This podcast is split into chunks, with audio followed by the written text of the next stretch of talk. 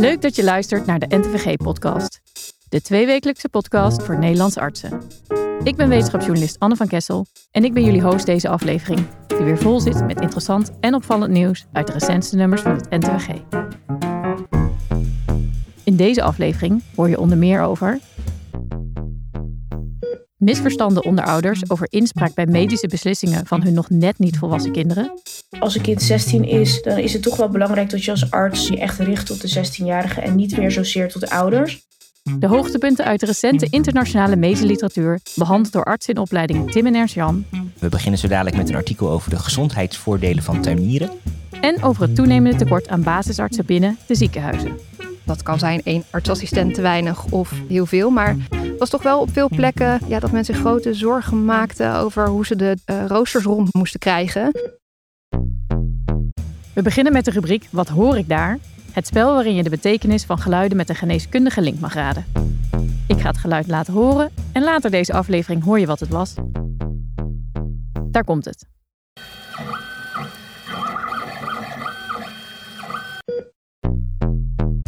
Ja, denk er maar even over na. Gaan wij ondertussen door met het eerste interview van Job. Wanneer jongeren de 18 jaar naderen, hebben ouders steeds minder te zeggen over hun medische beslissingen. Ook niet wanneer die verstrekkende gevolgen hebben. Hiervan zijn ze lang niet altijd goed op de hoogte, ontdekten onderzoekers van het Spaarne Gasthuis, KU Leuven en Universiteit Leiden. Job sprak met de eerste auteur van het artikel, basisarts Charity Gallant. Ja, welkom Charity in, in de podcast. We gaan het dus hebben over de, de rechten van de jongeren bij de arts. Met name de huisarts is dat uh, heel vaak natuurlijk. En hoe, hoe hun ouders daarover denken. En wat er misschien wel misverstanden over bestaan. Maar eerst even, even schetsen in het kort. Want wat zegt nou die uh, wet op de geneeskundige behandelovereenkomst over die rechten. En over de rechten van nou, de jongeren en hun ouders? De WGBO, de Wet Geneeskundige Behandelingovereenkomst, die deelt het eigenlijk in eh, drie groepen.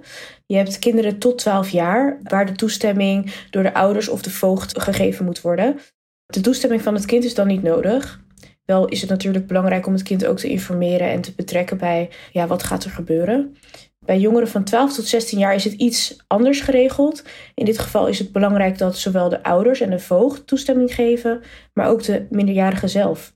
En dan heb je de jongeren vanaf 16 jaar eigenlijk. Volgens de WGBO kunnen zij zelfstandig beslissen en hebben ze ook zelfstandig recht tot informatie. Als je puur praktisch gaat kijken naar de situaties die in de praktijk voorkomen, waar uiten zich dan die verschillen in? Als een kind 16 is, dan is het toch wel belangrijk dat je als arts of als andere zorgprofessional je echt richt tot de 16-jarige en niet meer zozeer tot de ouders. En bij kinderen onder de 12 kijk je vaak wel echt de ouders aan als je dat gesprek voert. Je betrekt het kind er wel bij, maar het kind is niet degene die de beslissingen gaat maken. En bij 12 tot 16 jaar is het gewoon iets ingewikkelder. Je hebt 13-jarigen die heel erg actief zijn in het gesprek en ook echt deelnemen in dat gesprek. Maar je hebt ook 13-jarigen die dat iets minder doen. Dus dan is het iets lastiger. Maar het verschil zit er voornamelijk in wie gaat de beslissingen nemen.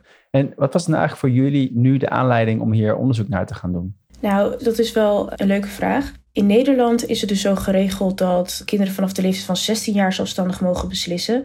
En in heel Europa is dat eigenlijk per land verschillend.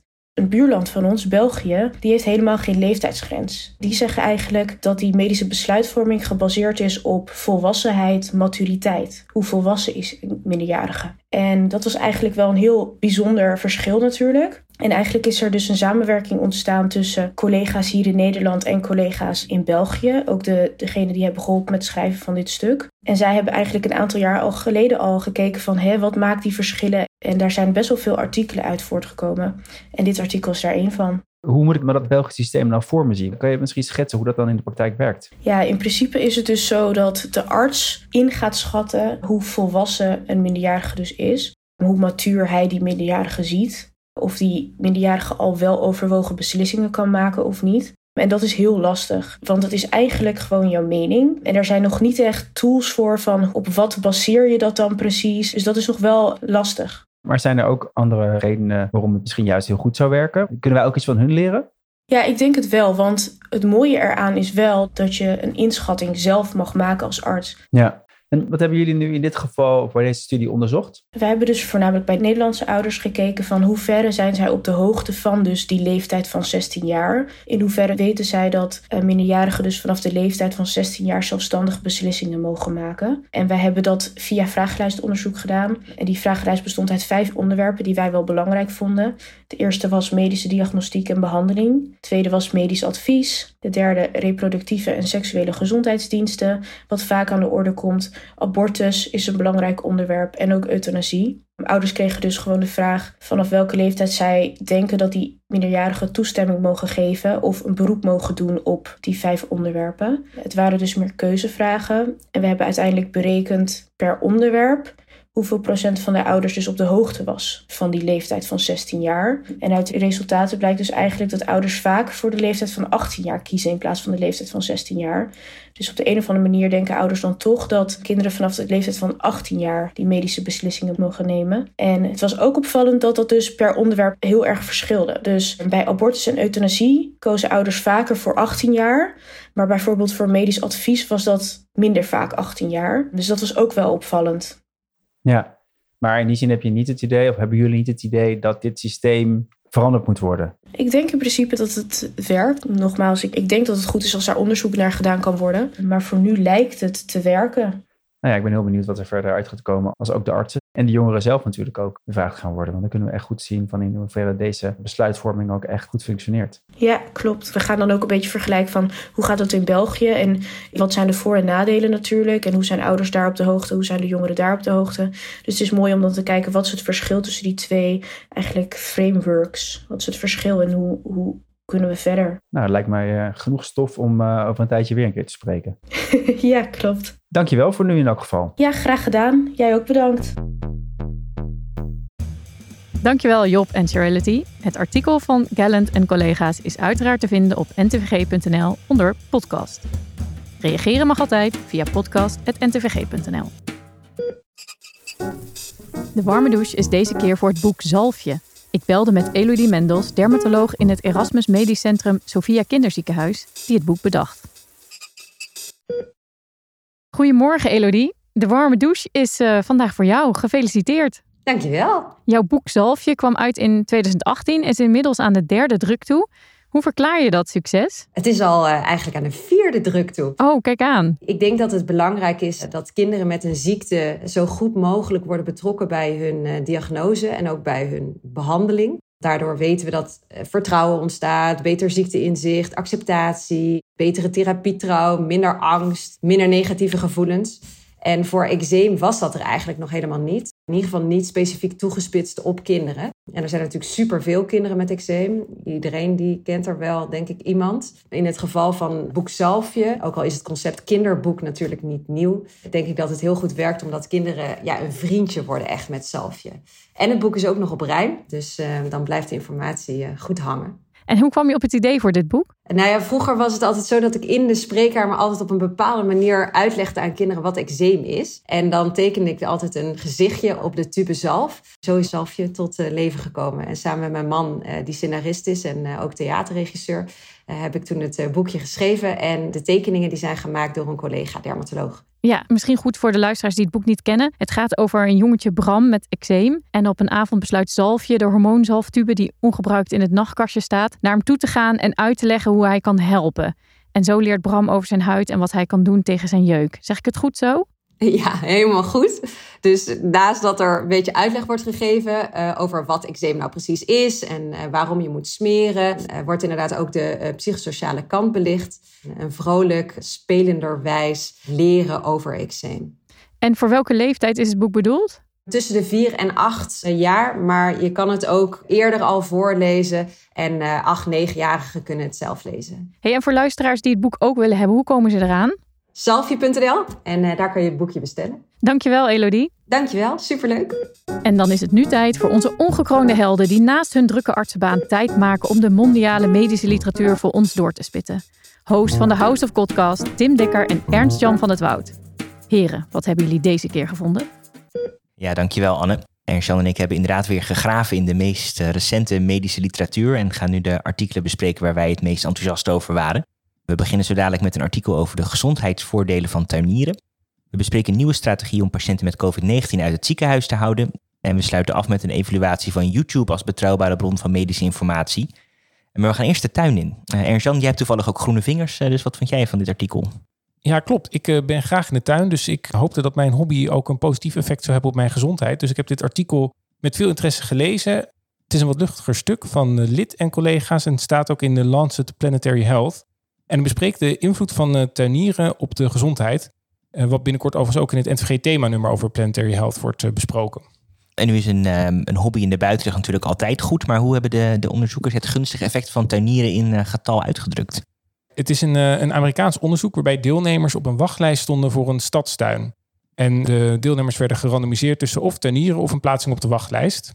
En ze hebben met de promotie voor het onderzoek gericht op deelnemers uit de wat lage sociaal-economische klassen. En vervolgens ging de helft van de deelnemers ging, uh, ging lekker tuinieren in de stadstuin. En de andere helft die stond nog op de wachtlijst. En tijdens de interventie werden beide groepen gevolgd en werd gekeken naar dingen als dieet, gewicht, uh, lichamelijke activiteit werd in de gaten houden. En er werd ook met een, eh, een onder andere een stressscorelijst naar de psychosociale effecten van tenieren gekeken. Oké, dus best wel een uitgebreide manier om naar de effecten te kijken, denk ik. Op welke domeinen vonden ze nou de belangrijkste verschillen? Nou, ze hebben het zelf met name over wel wat kleine verschillen op het gebied van uh, dieet. Zo had de tuiniergroep significant meer vezelinname. Niet heel duidelijk echt groente en fruit. Maar dat betrof dan 1,4 gram vezels per dag. Dus dat waren wel echt kleine verschillen. Ook was er een niet significant verschil in de lichamelijke activiteit. Waarbij de tuiniergroep gemiddeld 6 minuten per dag meer actief was dan de controlegroep. En dat resulteerde overigens allemaal niet echt in een afname van gewicht of, of buikomtrek. Waar ik het meeste was geïnteresseerd en persoonlijk zelf ook wel ervaar, is dat er een duidelijke afname was in de stressbeleving uh, in de tuiniergroep. En dat gold met name voor patiënten die, of deelnemers die bij baseline een hoge score hadden op die stressschaal. Dus dat vond ik wel een, een, een mooie uitkomst. Ja, dat is eigenlijk allemaal wel erg leuk om te lezen. Een origineel onderzoek. Met dus voornamelijk ja, positieve effecten van tuinieren op de mentale gezondheid. En ook enig effect op dieet en lichamelijke activiteit. Uh, wat ik nog wel aardig vond, is dat er ook gekeken werd naar de veiligheid van de interventie. Er was er wel één deelnemer met een allergische reactie tijdens het tuinieren, die als een uh, studiegerelateerde bijwerking werd gerapporteerd door de auteurs. Dus het is niet geheel zonder risico, dat je het maar weet, uh, Ernst Ik, ik doe voorzichtig. Ja, en dan gaan we door met een studie over de behandeling van COVID-19. Het, het, is er nog steeds, dus moeten we ook nog steeds op zoek naar strategie om een ernstig beloop te voorkomen. En nou hebben collega's in Brazilië dat gedaan met een nieuwe studie in JAMA Internal Medicine. Tim, nieuwe COVID-19-studie opgeschreven door Reis en collega's. Wat, uh, wat maakte jij ervan? Ja, dat weet ik eigenlijk nog niet zo goed, Ernst-Jan. Ik waardeer in ieder geval het initiatief van deze onderzoekers. Deze studie is het nieuwste van een COVID-19-studiegroep uit Brazilië, uh, die zich richt op de herbestemming van reeds beschikbare middelen voor de behandeling van COVID-19. En nu hebben zij eerder studies beschreven over ivermectine, metformine, hydroxychloroquine, uh, allemaal geneesmiddelen waarvan natuurlijk wel wat verwacht werd, maar die uiteindelijk allemaal toch tegenvielen voor de behandeling van COVID-19. En nu hebben ze gekeken naar de combinatie van fluvoxamide en budesonide. Oké, okay, nou klinkt als nieuwe ronde, nieuwe kansen. Dit keer dus wel opvallend een SSRI gecombineerd met een inhalatie corticosteroïd. Hebben ze resultaat geboekt dit keer? Ja, dit keer wel. De onderzoekers keken inderdaad naar de effectiviteit van deze twee middelen, dus fluvoxamide en budesonide, bij patiënten die in de vroege fase van een COVID-19-infectie zaten en minimaal één risicofactor hadden voor een ernstig beloop. Nou, het waren allemaal polyklinische patiënten en de auteurs waren met name geïnteresseerd naar het percentage opnames door COVID-19 en langdurige SCH-bezoeken. Nou, laten we dan direct door naar het goede nieuws. Is dat als patiënten gedurende 10 dagen twee keer per dag fluvoxamine gebruikten, met daarbij ook budesonide-inhalaties twee keer per dag, dan nam het risico op die primaire uitkomstmaat af. In de interventiegroep kwam het eindpunt voor bij 1,8% van alle patiënten en in de controlegroep was dat 3,7% van de patiënten. Ja, dus dat is op zich dan wel een relatieve risicoreductie van 50 uh, procent uh, op ziekenhuisopname of langdurige SCH-opname. Doet het ook nog iets op andere uitkomstmaten, bijvoorbeeld mortaliteit? Ja, dat was iets minder indrukwekkend. Er was geen verschil op mortaliteit. Ook het aantal dagen tot herstel was niet verschillend. En daardoor vind ik interpretatie wel lastig. Of iemand wel of niet wordt opgenomen of langdurig op de SCH ligt, hangt natuurlijk af van meerdere factoren. Hoeft niet alleen maar de ernst van de COVID-19-infectie te zijn. Maar goed, over het geheel genomen neemt de kans op het primaire eindpunt wel af. Maar dan zijn er ook nog eerder studies gepubliceerd die geen effect hebben laten zien van fluvoxamide als monotherapie. Daarin waren de doseringen wat anders en die studies zijn ook op een ander moment in de pandemie verricht, dus met verschillende COVID-19 varianten. Dat maakt het een hele lastige vergelijking, maar in die zin zijn dus niet alle studies unaniem enthousiast over fluvoxamine op zich. Ja, dat maakt zeker lastig. Aan de andere kant kan je van deze studie wel zeggen dat het in ieder geval een relatief recente populatie COVID-19-patiënten is. Met een hoog uh, percentage gevaccineerde mensen. Wat je ook terugziet in het lage aantal patiënten dat wordt opgenomen. En de bijwerkingen tussen beide groepen waren ook niet verschillend. En het is een goedkope interventie. Dat vond ik ook nog een pluspunt. Wat ik me wel afvroeg is, waarom werkt dit eigenlijk? We hebben het over een middel dat met name als antidepressivum wordt ingezet. Hoe, hoe helpt dit tegen COVID? Ja, dat, moest ik ook even opzoeken. Maar fluvoxamine is natuurlijk met name een serotonine-opnameremmer. Maar heeft blijkbaar ook anti-inflammatoire en antitrombotische werking. Dus in die zin kan het dus ook helpen bij een eh, COVID-19-infectie. Oké, nou interessant, dat, dat wist ik niet. En het is altijd wel weer leuk om te zien hoe een middel met een alternatief werkingsmechanisme voor een nieuwe indicatie kan worden gebruikt. De door jou genoemde kanttekeningen maken het ontzettend lastig om te voorspellen of en zo ja, welke rol dit gaat spelen in de behandeling van COVID-19. Dat is gelukkig, zou ik bijna zeggen, niet aan ons. Dus daar wensen we de beleidsmakers op dat front uh, veel succes mee. En als laatste bespreken we een studie met ook wel een origineel onderwerp, namelijk uh, patiënteninformatie door middel van video's op YouTube. Uiteraard weten we dat mensen vaak zelf onderzoek doen op internet. Zo is van chirurgische patiënten er bekend dat maar liefst een derde video's kijkt over een aandoening of ingrepen.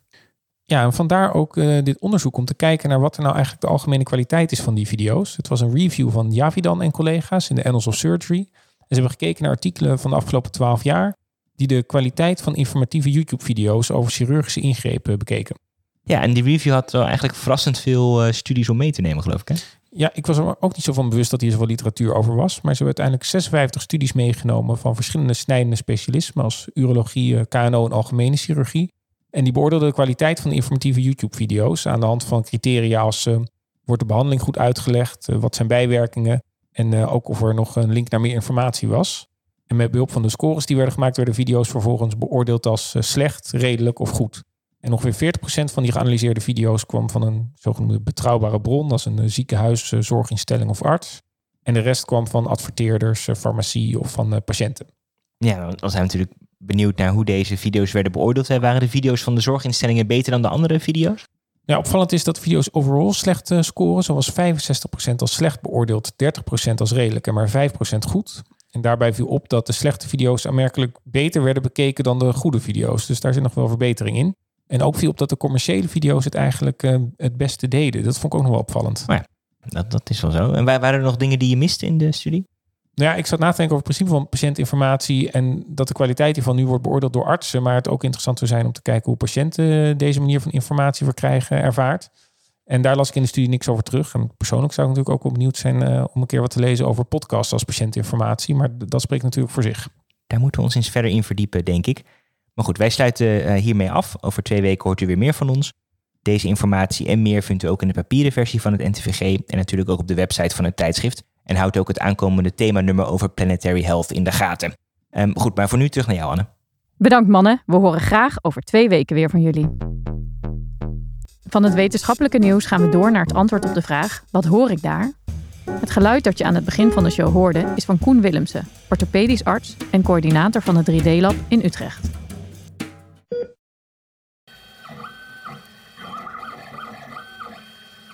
Goedemorgen, Koen. Goedemorgen. Vertel, wat hoorden wij? Ja, wat je hoort is het geluid van een 3D-printer uh, die aan het werk is. En voor de meesten klinkt dat niet heel veel anders dan een uh, reguliere printer. Maar deze printer zit steeds een stapje in de derde dimensie. En wat doen jullie allemaal in het 3D-lab in het UMC Utrecht? In het 3D-lab ondersteunen we specialisten en artsen bij complexe medische gevallen door 3D-modellen te maken. Waar CT-scans vaak een één vlak van de patiënt laten zien, proberen wij met 3D-modellen de arts beter voor te lichten om zo uh, gedetailleerdere behandelplannen te kunnen maken. En aan wat voor modellen moet ik dan denken? Nou, dat is heel erg uiteenlopend. Dat maakt ook heel erg uit welk specialisme onze consult vraagt. Maar bijvoorbeeld bij de orthopedie maken we heel veel botten, kromme botten. Bij de kinderchirurgie gaat dat veelal om slokdarm of een congenitaal uh, kinderhart. En bij de neurochirurgie creëren we bijvoorbeeld weer modellen van de schedel en de hersenen. En deze modellen kunnen we dan weer gebruiken om bijvoorbeeld te kijken hoe we een tumor moeten verwijderen, hoe de benadering precies moet plaatsvinden. En dit kan bijvoorbeeld ook gebruikt worden voor patiëntenvoorlichting. En daarnaast kunnen we die 3D-modellen natuurlijk ook gebruiken om weer mallen op te maken of 3D-implantaten te ontwerpen voor patiënten die bijvoorbeeld niet standaard implantaten kunnen ontvangen. En hoe vaak doen jullie dat? Nou, binnen ons centrum maken we ongeveer 500 van die modellen per jaar. Zo, dat is behoorlijk wat. Ja, We maken wel iets minder operatieplanningen en daar ook weer iets minder implantaten. Maar uh, modellen zijn gewoon de standaard van ieder bouwwerk. En behoort dit soort technologie inmiddels tot de standaardmogelijkheden in alle academische ziekenhuizen? Ja, zeker. Alle academische ziekenhuizen hebben nu ondertussen een 3D-lab. En ook de grotere klinieken zijn vertegenwoordigd. Maar de kleinere perifere ziekenhuizen, ja, die beginnen nu ook steeds meer interesse te tonen. Maar die hebben nog geen eigen 3D-lab? Nee, vaak nog niet. En is het dan zo dat jullie bijvoorbeeld ook dit soort modellen voor andere ziekenhuizen kunnen maken? Of doen jullie dat puur voor het UMC Utrecht? Wij richten ons puur op het UMC Utrecht. Er zijn wel andere academische klinieken die een regiofunctie vervullen. En wat verwacht jij nog van 3D-technologie voor de toekomst? Nou ja, de geschiedenis heeft wel laten zien dat uh, binnen de medische beeldvorming er veel ontwikkeling is. Zo ook de röntgenfoto's, die werden eerst sporadisch gemaakt en zijn toen standaard geworden. Dat gebeurde vervolgens ook met de CT-scan. En nu zien we dat uh, 3D-beelden nog sporadisch worden gemaakt. Maar we geloven dat die 3D-beeldvorming ook steeds meer standaard gaat worden. En dat dat geïntegreerd gaat worden in uh, de standaardzorg voor de komende jaren. Maar daar moet dan nog wel veel automatisering voor plaatsvinden, mocht dat kunnen gebeuren. Dankjewel, Koen. Graag gedaan. We zijn bij het tweede langere interview van vandaag aangekomen. En dat komt dit keer van de redactie van het NTVG zelf. De laatste jaren lijkt er een steeds groter tekort te zijn ontstaan aan aanjossen. Artsen niet in opleiding tot specialist. Hoe groot is het probleem en wat zijn de onderliggende oorzaken? Om daarachter te komen gingen redacteuren Rosie Sikkel en Lorette Harbers op onderzoek uit. En Job sprak met Harbers over het artikel. Welkom Lorette, voor het eerst in deze podcast. Ja, dankjewel. Jullie hebben onderzoek gedaan met z'n tweeën, samen met Rosie dus. En, um, maar de aanleiding, het waren allerlei verhalen, ook wel uh, deprimerende verhalen over een tekort aan basisartsen in de ziekenhuizen. Kan, kan je misschien eerst even vertellen van wat, waar waren nou de verhalen waar jullie op aansloegen? We lazen eigenlijk eh, op verschillende plekken al over vermeende tekorten aan artsassistenten in de ziekenhuizen. En daarnaast hoorden we het ook van mensen om ons heen. Alleen we konden eigenlijk nergens iets vinden over de omvang daarvan. En ja, dat vormde de aanleiding voor ons om een peiling te gaan doen. Dus dat was het uitgangspunt. Eerst kijken, kunnen we dit beter in kaart gaan brengen? Ja, en of er überhaupt een tekort zou zijn, want dat wisten we eigenlijk ook nog niet zeker. Is het ook dat jullie op basis van, het is natuurlijk maar een peiling, maar op basis van jullie onderzoek zien dat het op bepaalde afdelingen meer is dan elders? Ja, het is inderdaad een peiling, dus we hebben alleen de afdelingen interne geneeskunde, heelkunde, neurologie, psychiatrie en kindergeneeskunde benaderd. Wat wij hebben verzameld in die informatie, zien we dat met name op de afdeling neurologie en interne geneeskunde toch wel de grootste tekorten gevoeld worden. We hebben het op verschillende manieren aangepakt. Dus we hebben gewoon de betreffende afdelingen gebeld en gevraagd naar de artsassistent die er op dat moment aanwezig was. Maar we hebben ook wel geprobeerd om bijvoorbeeld opleiders uh, te pakken te krijgen en specialisten die op die afdeling aan het werk waren. Net wie ons wat meer kon vertellen over de situatie. En in wat voor beeld kwam daaruit naar boven? Ja, toch wel een wat zorgelijk beeld. Kijk, het is natuurlijk maar een peiling en met alle beperkingen die daarbij horen. Maar we hebben behoorlijk wat mensen gesproken, wel meer dan 100. En eigenlijk iedereen herkende het probleem. En bij 21 van de 22 ziekenhuizen die wij benaderd hebben, was op een van de afdelingen die wij gepeild hebben, sprake van een tekort. En ja, dat zegt niks over de grootte van het tekort. Dus dat, mm -hmm. dat kan zijn één arts, artsassistent te weinig of heel veel. Maar het was toch wel op veel plekken ja, dat mensen grote zorgen maakten over hoe ze de roosters rond moesten krijgen. Maar ook of ze op een gegeven moment nog wel bepaalde zorg konden verlenen. Dus dat, ja, ja. dat was wel zorgelijk. Klinkt wel echt als, als echt uh, nijpend. Ja. Ik las ook dat sommige specialisten gewoon zelf bepaalde diensten overnamen, zeg maar. Ja, dat klopt. Als er natuurlijk ergens een tekort is, dan moet het op de een of andere manier opgevangen worden. En eerst ga je kijken of je met de artsassistenten die er nog zijn, dat samen uh, kunt doen. Maar ja, op een gegeven moment worden de gaten zo groot dat uh, op sommige plekken medisch specialisten zelf de voorwachten gaan doen. Ja, en dat was wel op verschillende plekken aan de hand. En ook wel dat medisch specialisten zeiden van ja, ik red dit niet naast mijn gewone zorgtaken. Waardoor dus polies afgezegd moeten worden en wachtlijsten eigenlijk aangroeien. Ja, is dat dan het gevolg, het wachtlijsten aangroeien? Of op een andere manier dat bepaalde zorg, zij bepaalde zorg niet meer geleverd kan worden? Ja, je, je krijgt vermoeide artsen. Dus ja, dat kan leiden tot risico's voor de patiëntveiligheid. Inderdaad, wachtlijsten die langer worden. Je kunt allerlei gevolgen bedenken. Maar ik moet zeggen, het is, het is slechts een peiling die we gedaan hebben. En we hebben ons vooral gericht op, nou, zijn er tekorten? En mensen ook wel gevraagd te speculeren over wat ook de oorzaken daarvan zouden kunnen zijn. En dat blijft natuurlijk speculeren. Hè? Dat zijn jullie ook duidelijk over in jullie stuk. Maar wat voor soort verhalen stuiten jullie op? Wat wel heel vaak genoemd werd, is een veranderde kijk op de werk-privé-balans van uh, jongere generatie artsen. Dat is natuurlijk, ja, er spelen heel veel factoren een rol, maar we leven nu echt wel in een andere maatschappij, meer tweeverdieners. Ja, en ook het jonge klare probleem bijvoorbeeld, dat als je dan eindelijk die opleidingsplek hebt bemachtigd, dat je dan geen baangarantie hebt. Ook social media zou een rol kunnen spelen, maar toch met name die andere kijk op de werk-privé-balans. En dat arts zijn was, ja, werd toch altijd een beetje gezien als een roeping. En tegenwoordig is het misschien toch iets meer je baan. Dat werd wel vaak uh, geopperd als mogelijke oorzaak van dat tegenwoordig de basisarts niet zo happig meer is op een baan in het ziekenhuis. Ja, Jullie schrijven ook wel dat sommigen inderdaad echt uit het vak stappen, bijvoorbeeld consultancy gaan doen. Er is nu zo'n krappe arbeidsmarkt, er is ook makkelijker zo'n stap te zetten. Zeker, en er komt ook meer ruimte voor. En zeker ook omdat uh, mensen dat meer en meer op social media delen, dan, dan zie je ook dat anderen dat doen. En dat verlaagt misschien ook wel de drempel om zelf op een gegeven moment vakvaarwel uh, te zeggen. Ik moet daar wel bij zeggen, want het klinkt natuurlijk allemaal nu heel erg deprimerend, dat eigenlijk ja, heel veel artsen die wij hebben gesproken meteen ook daarbij zeiden van oké, het is allemaal zorgelijk, maar ik heb nog altijd wel de allermooiste baan van de wereld. Ja. Dus het is niet alleen maar negatief. Het is niet dat deze mensen die er nog zitten, dat die ook op het punt staan om allemaal te vertrekken. Nee, zeker niet. Ik denk juist dat iedereen er heel positief in staat van we signaleren dit en we maken ons zorgen en we willen gewoon ons vak op een goede manier uitoefenen met genoeg mensen. Maar het lijkt wel wat dat betreft wel echt een momentum. Er moet ook wel echt iets gebeuren nu. Ja, en dat gebeurt ook wel hoor. Want wij hoorden ook wel op verschillende afdelingen dat er echt wel meer aandacht komt voor het welzijn van de ANIOS in het ziekenhuis. Dus meer oog ook voor persoonlijke ontwikkeling. Er is nu ruimte voor parttime werken. Dus er is echt wel een kentering of een verandering gaande in de ziekenhuiscultuur. Nou, dat klinkt in ieder geval als een uh, constructief einde aan dit uh, misschien wel bijna deprimerende begin van dit gesprek. Ja. Dankjewel. Het lijkt me ook zeker dat veel luisteraars hier ook nog wel ideeën over hebben. Ja. Zoals altijd zijn reacties welkom. Altijd, ja. Laat je horen. Denk mee over de toekomst van de zorg. Dankjewel. Ja, jij ook bedankt. Dankjewel Job en Lorette. Wil je meer weten over dit onderwerp? Lees dan het artikel op onze website. Op naar het laatste onderdeel van de show. De tip van de redactie komt deze keer van nieuwsredacteur Rosie Sikkel. Welkom Rosie.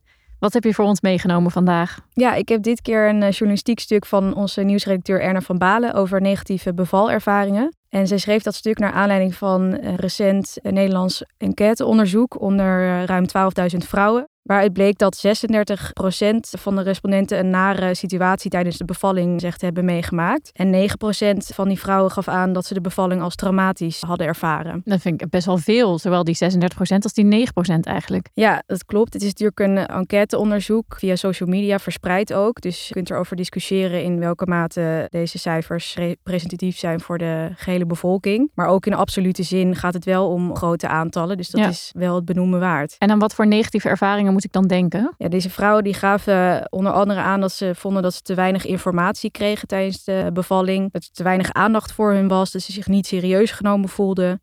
Dat ze het gevoel hadden dat er niet genoeg naar hen werd geluisterd. Maar bijvoorbeeld ook dat er geen toestemming aan hen werd gevraagd voor het uitvoeren van medische handelingen. Herkennen zorgverleners zich hierin? Is dit voorgelegd aan zorgverleners? Ja, in het stuk spreekt Erna met verschillende gynaecologen die reflecteren op ja, hun ervaringen hiermee. Wat wel een beetje de algehele consensus is, dat zij zeggen van ja, wij herkennen wel de mismatch tussen wat veel patiënten verwachten van hun bevalling en wat wij daadwerkelijk waar kunnen maken. En zij hebben toch het idee dat ja, dat, dat ligt aan een irreële reële verwachtingen die er worden geschept eh, rondom de bevalling. Onder andere ook eh, door wat je op social media bijvoorbeeld ziet. Maar ze zeggen ook van ja, er ligt dan voor ons ook een rol in voorlichting. Dat wij toch juiste informatie geven aan vrouwen voorafgaand aan de bevalling. Hey, en uh, je zegt veel vrouwen voelen zich niet serieus genomen. Hebben ze het idee dat niet betrokken worden bij beslissingen. Wat zouden artsen aan kunnen doen om de patiënt meer betrekken. Wat die gynaecologen beschrijven is onder andere dus dat ze merken dat ze vaak in jargon schieten tijdens een bevalling. Er werd ook in het stuk daarvoor een, mooi voorbeeld genoemd, vond ik. Een van de gynaecologen die geeft bijvoorbeeld het voorbeeld dat ja, wat ze dan vaak hoort is het volgende. Heb je de Sinter al opgehoogd? Heeft ze nog een bolus van de epiduraal gehad? En dat is dan een gesprek zeg maar, tussen twee zorgverleners die in de kamer staan waar een vrouw aan het bevallen is. En zij zegt dan ja, in plaats daarvan kan je dan ook tegen je collega zeggen: heb je de weeënopwekkers opgehoogd en werkt de ruggenprik goed of heeft ze nog extra gehad? En op die manier hoef je niet alles zeg maar, te bespreken met een patiënt als jij gewoon een gesprek met je collega hoeft te hebben. Maar daarmee ja, zorg je dus wel dat je een patiënt minder afschermt van de communicatie die jij bijvoorbeeld met anderen hebt. Ja, zeker.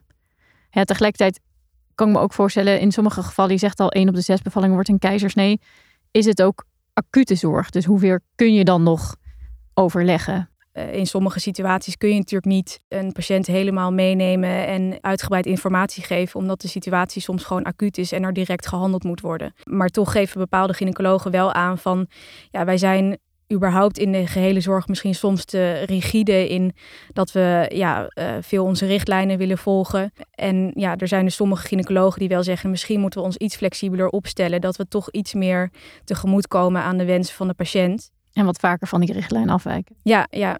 Dankjewel, Rosie. Ja, jij bedankt. En hiermee zijn we aan het einde gekomen van deze aflevering. Hopelijk heb je ervan genoten en wellicht nog iets opgestoken ook. Heb je een vraag of een suggestie voor een van onze rubrieken? Laat het ons weten via podcast.ntvg.nl. Waardeer je onze podcast? Stuur ons dan door naar al je collega's en volg ons op je favoriete podcastkanaal. En laat vooral ook een review achter door een aantal sterren te geven. Dat helpt ons weer om beter gevonden te worden. Zo help je ons op onze missie om de beste en best beluisterde medische podcast van Nederland te worden. Over twee weken ben ik er weer. Voor nu een heel fijne dag gewenst en tot de volgende aflevering. En denk eraan, een goede arts is een goede luisteraar, dus blijf luisteren. Dit is een podcast van de NTVG-redactie in samenwerking met mij, Anne van Kessel, Job de Vriese, Tim Dekker, Ernst-Jan van het Woud en audiocollectief Visionair Ordinaire.